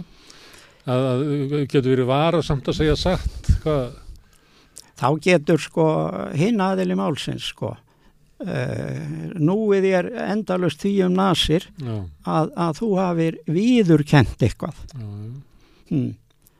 E, e, hérna en varðandi aftur sko En þú mátt eins og vegar hlýðra til sannleikonum eða bara reynlega segja ósatt. Má, já, dómskerfi gerir bara að því er virðist allt og lítið í því að því að mér finnst Já, og uh, vel að merkja íslenska dómskerfi byggir svo mikið á, á, á munnlugum framburði mm. núna á tímum uh, sko tölvupósta og svo leiðis þá er ennþá áherslan í lögunum á munnlegan framburð Mm. og mér langar aðeins til þess að nefna það í sambandi við sko það að neyta að leggja fram gögn Mm. það gefur þeim aðila sem gerir það e, möguleika á því að krefja hinn aðilunum eitthvað sem að er honum, það er að segja honum sjálfum, Mm. þóknarlegt Mm. og það er það sem að gerðist í, í mínu máli til dæmis sko e, sem dæmi má nefna innmitt þar að, e, að hérna við e, fórum fram á að fá e, greiðslugögn en þeir snýru því upp í að, að, að koma með það sem ég kalla falsaðar undirskriftir Mm. og letu málið og gáttu látið málið snúast um það Mm. vegna þess að dómarinn vildi aldrei eh, taka á, á hérna eh, því að, að, að krefja, krefja um, um hérna um hérna eh, greiðslugögnin. Já. Mætti segja það að svona helsti þátturinn í þinni gaggrinni sé sá að, að þér finnist að dómararnir eigi að gæta svona einhverju sanginni í, í eh, hvernig málun eru flutt og, og, og tryggja jafnstöðu málsaðila með einhverjum hætti en að þeir gerir það ekki heldur svona haldið þessar höndunum og, og þá breytist kannski réttasalurinn í þar sem að hinn uh, ríkari, þessum valdameiri, hann hefur auðvitað bara miklu fleiri tæki til þess að ná fram sinni niðurstu. Þú myndir Já. vilja að dómararnir gættu að hag begja og, og jáfnvel réttu hag þann sem að væri veikar. Það er það sem að mér finnst og Mm. það held ég að almenningi finnist og sjálfsagt. Já, En eh, dómskerfi virðist ganga út á það að, að peningar skipti ekki máli. En þeir skipta mjög miklu máli Mm. í, í svona dómsmáli. já, Og uh, hérna, uh, í mér fannst uh, svona frekar hallað á þann sem að uh, var, var minni máttar að þessu Já. leiti. og það varst þú Og það var ég í þessu tilfelli. Já. Hérna, málið sem að uh, þú dregst eiginlega inn í, þetta er svona málafeldi sem þú dregst inn í þú regnar ekki með að uh, verja þessu tíma inn í réttasölunum Nei, Nei. Kanntu að útskýra það svona með einföldum hætti svona á þess að við þurfum að, að dvelja jafn lengi við málið eins og þú þurftir að gera um hvað snýrist málið það bara snýrist einfallega um það að, að, að, að, að vangrita reikninga. Já, Það var bara einfalt mál. já, En það er miklu fleira í þessum dómsmálinn sko, sem að er mjög gaggríni verð. já, Til dæmis það að uh, þau eru mjög úrelt eins og tekið er á málunum núna. Það er, það er mjög, uh, sko, uh, þau eru frá 1991 að nafninu til. mm, Þau lög voru í raun og veru sett eh, fyrir tíman svona 1950 til 1970 eitthvað svo leið sko. já, Það er að segja 20 til 40 árum áður heldur en það voru gefin út Mm. af alþingi. Og, eh, og hérna, það gerir líka ími skrítilegheit. Til dæmis í þessu máli sem að, að hérna, að ég lendi í, þá voru í raun og veru undirritaðar uh, hérna greiðsluviðkenningar, já, svo kallaðar, mm, látin koma í, í, í, sko, í staðin fyrir e, e, framlegningu á, á hérna á hérna á hérna e, bankafærslum. Já, sem að ég tel að hafi ekkit verið til sko, hvort þið var. Hvað En- ekki verið til? Bankafærslunar mm, greiðslurnar, greiðslurnar voru aldrei til. Já. Þú þarft að útskýra málið aðeins svo að við skiljum betur. Já, í staðin fyrir að uh, hérna fá fram hvort að einhverjar bankafærslur væru til um greiðslurnar mm, sem áttu að hafa, þeir, þeir, við, þeir heldu því fram að, að þeir hefðu greitt. Já, greitt hér eða þínu fyrirtæki Já, það er svo, svo spurningin sko. Eh, Þeir töldu sig að hafa greitt hérna félaga mínum sko. já, En, en, en, eh, og það þarf ennþá meiri spurning, ennþá meiri skýringar við. mm, En hérna, en hérna, í staðinn þá fór uh, málið yfir í það að vera spurningum um, um það hvort að, að uh, undirritanir hefði verið gerðar. Já. Á þessum greiðslu viðurkenningum. og svolítið góður hluti bókarinnar fjallar um Já, hvort að undirskriftina hafi verið sko réttar eða já, falsaðar. Já, einmitt. En að, Sko, síðan já. er, síðan er hérna ennþá að e, það er furðulega algengt að e, dómarar þeir e, lýsi í hérna í forsendun dóma aðeins rauksemdum þess að þeir dæma með en ekki þess að þeir dæma á mót. þeir raukstuði að sína niðurstöðu Já, já, og get ekki um hvaða annað var lagt til sem við tók Nei, ekki til því nei. já, já, og hvers vegna það fjall- í grýttan jarðveg. já, Þetta þýðir í raun og veru það að hjá íslenskum dómstólum er mjög auðvelt að dæma hverjum sem er í vil. já, Alveg óháð uh, hérna hvort að það er, er rétt eða ránt sem að hann hefur fram að færa. að þú getur lesið við dómin og fundist þetta að vera skinsanlega niðurstöða vegna að þú sérður um lenga aðra valkosti Einmitt. mm. Þetta er nú verið gaggrind, þetta er verið gaggrind í, í gerfismálunu. Það stussuðu mér lögum sem segja að lesi bara dómin, en það er náttúrulega, hjálpar ekki mikið. Þú heyrir ekkit af eh, öllu, allri gaggrinninni sem, sem kom frá hinnum aðalega máls. Herðu, en, en málafellið þín, ef ég má bara spyrja þig svona, hvað tók þetta langan tíma? sko, það tók mig tvö ár að uh, byrta stefnu vegna þess að hinn aðilin var eh, erlendur aðili. Já, síðan tók, fimm, fór, tók máli sjálft fimm ár já. Og þú ertur vel að reyna fimm greiðslur sem, að- já, sem að þú telur þau eiga. já, Uh, Fjastu réttlæti á lókum? nei, Ekki. nei. Þannig að þú... Og í raun og veru satt ég með, með, uppi með miklu verri hlut, tvöfalt verri hlut heldur en ég, ég hóf málið á, sko. Og hvað kostaði þetta í, í peningum? Það þú getur áallega það. Sko, útláður, útláður kostnaður var um 25 miljónir og þá var nú, sko, drúgur hluti af því var að, að, að reynsa mig af því að ég væri, hefði, hefði skrifað þetta, Já, hefði undirritað, já. Þú heldur í fram að það hefur verið falsaður undirskriftið þeinar já, Já. og uh, ég og náttúrulega, það sínt fram á að svo var. ég tel mig hafa sínt fram á Já. það með öryggi, Já, en uh, það gæti ég ekki gert fyrir dómi, mm. e, sko vegna þess að e, þeir sem að fyrst koma að þessu máli þeir horfðu bara á skriftina sjálfa Mm. og, og töldu að þetta væri, væri mín skrift.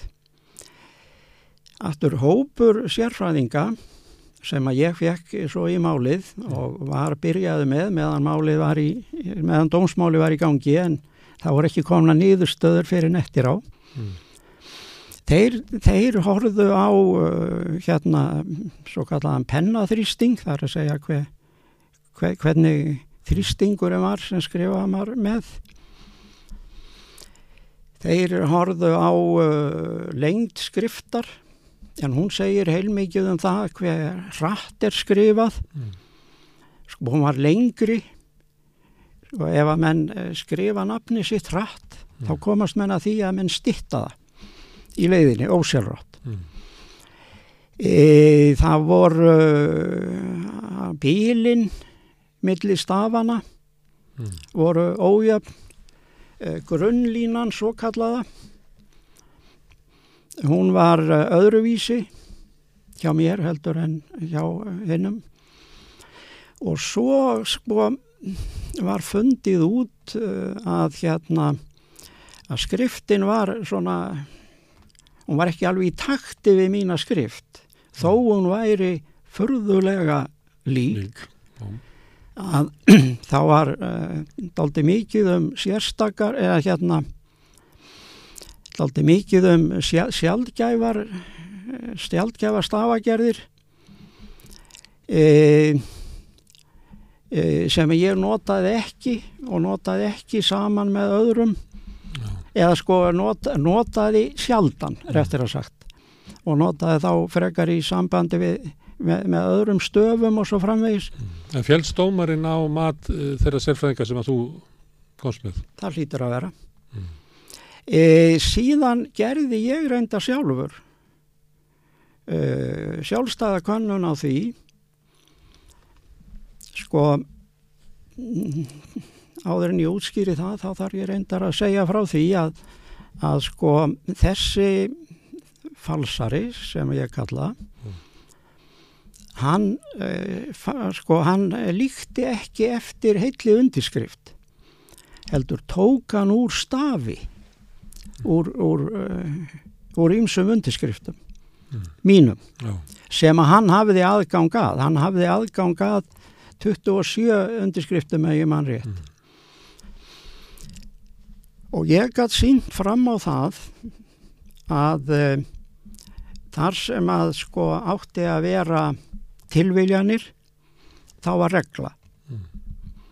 Og uh, þetta var viðbót við það sem að sérfræðingarnir hafðu, hafðu fundið út sko. Uppöflega málið, það sem að þú Já. ert að uh, reyna að innneimta uh, greiðslur, skuld við þig. Já, Hvað var svo upp að þá? hún var um 30 miljónir Þannig að dómsmálið kostaði 25 Já, segðu og svo náttúrulega 7 ár já, sem teljast ekki þarna með í 25 nei, miljónum. nei Þú ert ekki á launum hann. og þar fyrir utan þá rak ég málið eh, að miklu leiti sjálfur Já. En þú férst ekki 30 miljónunar. Nei, tapaði 25 já, og þessum sjö árum. já, ég var í raun og veru meir en helmingi ver settur eftir áður, Já. en reynslun er ríkari. Þannig að þú getur ekki ráðlagt neinum, þú myndir ekki ráðleggja mér að leggja í sambarilega ferð. Þú myndir ráðleggja mér líklega að ef að ég var ekki þess ákafari að ná fram einhverju réttlæti að gleyma bara þessu 30 miljónum. Eða ég Já, það myndi ég ráðleggja sjálfu mér eftir á. Já, Ingimar í dag skulum, myndi já, segja Ingimar þarna á, áður, já, bara gleyma þessu. já. Að það væri engin leið að þú fengir eitthvað réttlæt út úr. Og einhverjir hafa sagt mér að ég eigi hugsanlega einhverja einhvern rétt á að taka málið upp. Já, Ég hefði sagt það að, að, að hérna, tröst mitt og dómskerfunni er bara ekki nógu mikið til þess að ég e, gefi því einu sinni sko möguleika. já. Herðu, en þú hérna ert ekki mikla reynslu af, af eh, réttarsölum Í- að því að við erum að tala um hérna Ingimar áður og Ingimar nú Eh, Má ég, Í, má, má ég Já. Já, fyrir fyrirgefðu. spyrja þessu fyrir ekki, Ingimar áður þú lendir í þessu já, hafði hann trú á því að, að dómskerfi væri réttlátt já, bara ef það ekki um það já, ég held það. já, já. Og uh, það er rétt að segja frá því að einmitt á dögum gerfinsmálsins Mm. þá gerði ég úttekt á, á dómsembætti uh, stóru hérna á Reykjavíkusvæðinu Mm. og hérna þannig að ég hafði daldinn bakgrunn Já. en þá horfði ég á málinn innanfrá Mm. dómskerfinu en ekki utanfrá. En e, það er nú rétt að það komi fram að ég þekkti daldið til. Já. og hvað, hvað svona úttekt var þetta? Hvað Já, var- þetta var svona rekstarar úttekt Já. á, á, á, á, á hvenu hérna kerfi. Sko. og leggja til þá einhverja leiðir til þess Já. að láta hlutina virka betur og ródýrari ég, og... ég var aðalega í því að lýsa Mm. dómskerfinu. Já. Var að líka með daldið af, af hérna að tillögum Mm. e, sem að eh, ég hugsa að sé nú í dag allavega fyrir löngu e, búið að, að hérna uppfylla hvort sem það var vegna áhrifa frá mér eða ekki en það var eitt sem ég laði mest áherslu á sem ekki hefur verið gert Mm. og það var það að dómarinn ætti að stýra málinu frá upphafi til enda það var það sem að ég og, og það var farið þverögu leið í því. Að gera hann svona að það var, það var eh, held ég geti sagt farið meira út í það að það væri málflytjandun sem stýr, ættu að stýra málinu. Mm. og það er það sem að eh, er í raun og verið gerir mjög stóran þátt í þessu. Að, eh, að hérna hinn sterki hefur, hefur hérna yfir, yfirhöndina endur í dag. frelsi til þess að já, tegja já, mál og já, gera það já, gera þau dýrari, dýrari og erfiðari fyrir hinn aðilan og svo framvegs Þú varst að áður en að þessu koma þá varstu já, svona borgari sem hafði trú á því að væri Já. réttlætt í já, Þetta er svolítið sambarlegt og fólk sem að, að lendir í sjúkdómum eða slísi og, og þarf Já, að já. reyða sig á öryggisnet samfélagsins já, já, að það lýsir því oft hvað það var þissa þegar það komst að því að þetta öryggisnet er eiginlega hálfgeð blekking. já, Það grýpur okkur ekki. já, Þannig að reynsla þína dómskerfinu er sambarlega þegar áreinir já, að það kemur í ljós að, að það er allt annað heldur en að það er haldið að okkur. já. Mm. Ég myndi segja að þetta sé mín upplifun Já. sem þú ert að lýsa. Hérna, þú hefur skrifað bók og svo hefur Já. skrifað greinar, Já, eh, skrifað inn á vísi, svona atriði sem að þú leggur áherslu á í, bókinni. Hefur þú fengið svona viðtökur við þessu, þessa gaggrinni? já, já. Ég hefi fengið það. Fólk kvatti áfram? Já, Já. Þannig þú ert ekki að tala við döfum meirum? nei, ekki alveg Ekki alveg? Ekki alveg, ég veit það ekki. Nei. En einhver sem að hefði möguleika á því að breyta hlutum þarna, eh, er það fólk að hafa samband við þig? Nei, Nei. ekki eins og er. Það ekki, Ekki kall- fram að þessu, sko. voru ekki verið kallaður í dómsmröðandið eða Nei, til félagslögfræðinga eða dómarafélagsins Nei. eða, og reyndar, stjórnskipun og eftirlistnefndar eða nei, nei, nei, nei, ekkert svo leiðis. Þannig að það er frekar svona almenningur sem hefur kannski svipað reynslu þú sem er að hafa samband við þig. Já, já, já, einmitt. Já. Það, það, er, það, það er meiri hlutin er, er þannig, uh, þannig samband. Bjóstu við öðrum uh, viðbröðum? Ég, ég, get ég þetta ekki svara, ég get þú, þú leggur tölvöld á þig til þess að gera þetta Já, og já, þetta já, er já. mikil reynsla sem er hann á bakvið og já, já, þetta er skýrt og, og skorin og framsett og þú leggur þetta inn í íslenska umræðu. já, já. En uh, ég hef til dæmis orðið, uh, já, ég er sumuleiti orðið fyrir vonbreyðum held Já. ég, en uh, á hinbói má segja að ég hafi í raun og verið ekkit, uh, sko, búist við neinu. nei, nei. Ég bara uh, gaf út, vannað bókinni, gaf hana út og ákvað svo að sjá til og en núna er ég svona meira að berjast í því að, að hérna að, að koma á stað einhverju umræðu. Já, að það teki svona mark á þessu tilleggin í umræðuna sem er uh, veiga mikið þar sem þú ert að halda þig fram að sko réttarkerfið okkar sem á að gæta að réttlæti í samfélaginu og tryggja að allir séu jafni fyrir lögunum að svo sé ekki. Og þetta er náttúrulega þetta grundvöldur atriðum hvað er að segja borgarlegs líðræðislegs samfélags að dómskerfi virki. Já, það er það sem mér finnst. Já, Það gerir það eh, ekki nægilega vel, það er klart. Það getur vel verið að eh, það eh, sé ágætti að skera úr einhverju málum stórfyrirtækja, ég skal ekki um það að segja. mm. En þar sem að hinn sterki, hva, hver sem hann er, hvort sem það er ríki eða stór fyrirtæki eða, eða mísindismadur, Mm. eða bara sá sem hefur verulegt fjömiðli handana, hann hefur yfir, yfirhöndina. Það, það, það eh, finnst mér að sé, allavega mér augljóst eh, núna. Já, það segir þín reynsla Já.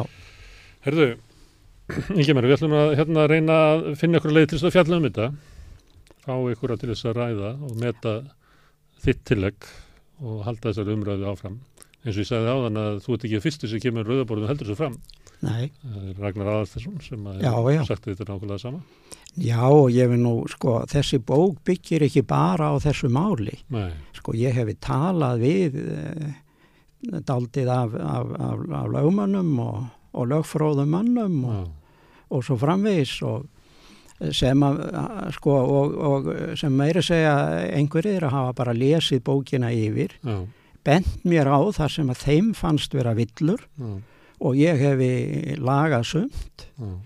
en, en, en e, verið þrjóskur með annað já.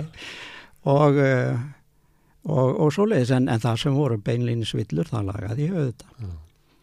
En við skulum hérna reyna að, að ná ykkur í umræðu um þetta hérna við rauðaborðið því að það er náttúrulega, maður veit það svo sem að, að lögfræðingar eru ekki ánæði með það að rekstra verfræðingu sé að kastast upp á þeirra jussur eins og að, að, og vilja oft íta í burtu svona gaggrinni leikmannana frá sér. Ég vil reyndar nefna Já. það í þessu sambandi sko að ég er í raun og veru með háskóla próf í því að skipta mér á rekstri annara Já, og hérna og það sem ég er að taka fyrir í bókinni er hvernig e, dómsmálinn fara fram. Já, ég er að tala um áhriflaga, ég er ekki að, að, að sko, ég er ekki að, að hérna skilgreina einhver lög svona eða hins eginn sko, en, en, en ég, þar haga ég mig bara eins og sko, hvað ég var að segja, sá sem verður fyrir lögunum á einhvern hátt eða kemst í kynni við þau á þennan, á þennan sérstaka hátt Eitt sem að ég hefi verið þarna með eh, sem að mér finnst að verði að koma inn í lögin, mm, það er að réttlæti, e, sangirni og heilbrið skinnsemi verði að vera í fararbrotti. Það er það ekki núna. ekki laga klækir eins og fólk Já, bara, já, að Já. það sé hægt að snúast eh, svona og, og hins egin og koma að lokum uh, að nýðu stöðu sem er í raun og veru á móti heilbriðiskinnsemi, Mm. á móti réttlæti og móti allri samskipni. Já. Það bara gengur ekki. Já. Þar er ég að, að, að benda á lög, annars held ég að ég sé yfirleitt ekkit að benda á. Nei, þetta sé ekki lögfræði sem út með heldur kannski við getum kallað það svona réttarsalsverkfræði um hvernig, hvernig Já, já.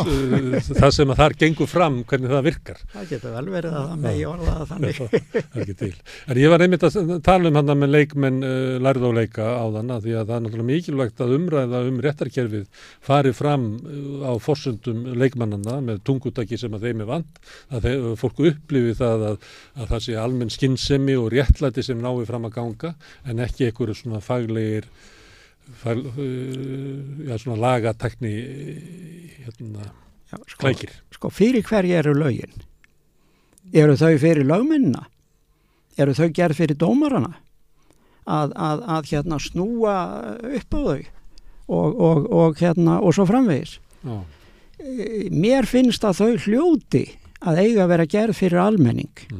og þar hlýtur réttlæti, sangitni og heilbrið skinnsemi að vera í, í, á ottinum. Og það er eitt úr því að þú nefnir þetta sko, sko umræða um dómsmál Mm. og gaggrín, gaggrínin umræða um dómsmál er varla til innan dómskerfisins. Mm.